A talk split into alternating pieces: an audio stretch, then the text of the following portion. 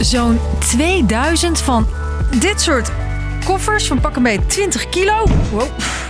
Gaan er op een dag door je handen als bagagemedewerker op Schiphol. Dit werk is eh, fysiek zo zwaar dat je wel kan zeggen dat uh, niet zo geweldig veel mensen gezond hun pensioen zullen halen.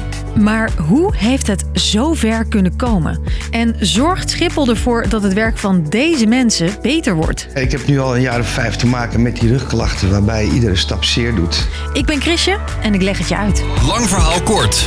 Een podcast van NOS op 3 en 3FM. Good morning, ladies and gentlemen.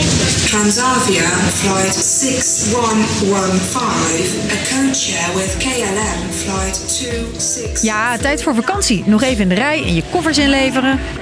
Maar terwijl jij nog even een boekje en een drankje koopt, zijn ze in de kelders van Schiphol hard aan het werk. Heel hard aan het werk. Duizenden mannen tillen hier dag en nacht koffers van de band. En ze laden koffers en enorme vrachtplaten in en uit vliegtuigen. Je kunt niet staan, hè? dus je zit continu op je hurk, op je knieën. En dan moet je al vanuit die positie moet je een koffer stapelen. Het zijn mannen zoals Marcel. Dat is trouwens niet zijn echte naam, want hij wil anoniem zijn verhaal vertellen. En hij doet dat werk. Als je dan weet dat zo'n koffer tussen de ja, 25 en 35 kilo uh, weegt. Zij zijn niet in dienst van Schiphol, maar werken bij zes verschillende bedrijven. Die bedrijven die concurreren met elkaar wie de vracht mag afhandelen met de vliegmaatschappijen.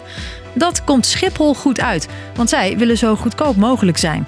Het gevolg, die bagagebedrijven die houden zich niet aan de regels en laten medewerkers al jaren veel zwaarder tilwerk doen dan mag. Ik heb nu al een jaar of vijf te maken met die rugklachten waarbij iedere stap zeer doet. Dat je dan met een wandelstok over straat moet, eigenlijk, ja, daar, daar, daar schaam je je toch een beetje voor. En zo zijn er nog veel meer mannen die zware klachten hebben. Weet ook deze bedrijfsarts die jarenlang op Schiphol werkte. Dat varieert dan van uh, het schoot even in mijn rug tot en met uh, peesletsels, letsels van de schouder, uh, van de knieën. In die 14 jaar dat ik daar heb gewerkt, kom ik op 500 meldingen. En dat is werkelijk een idioot hoog getal.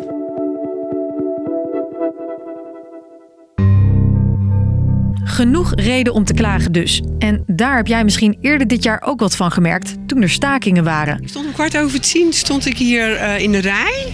Helemaal hier omheen, heen en terug. De bagagebanden werden stilgelegd.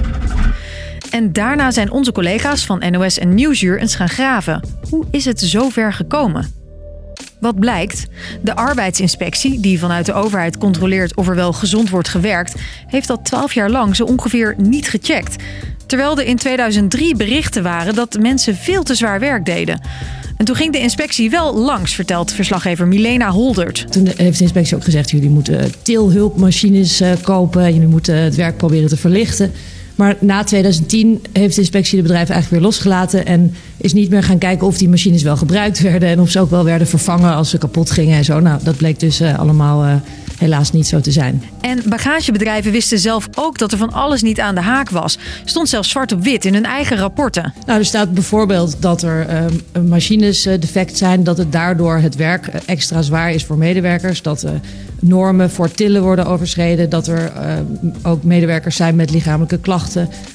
die, die, ja, waarvan de oorzaak is dat zware werk. Dus... Rapporten die Milena in handen kreeg, waar de inspectie ook makkelijk aan had kunnen komen, maar nooit naar heeft gevraagd. Ja, dat stond er allemaal in. Dat, dat hadden ze gewoon kunnen opvragen en kunnen lezen. Dus jarenlang is al bekend dat het werk veel te zwaar is, maar er werd niet echt iets mee gedaan. Hoe nu verder?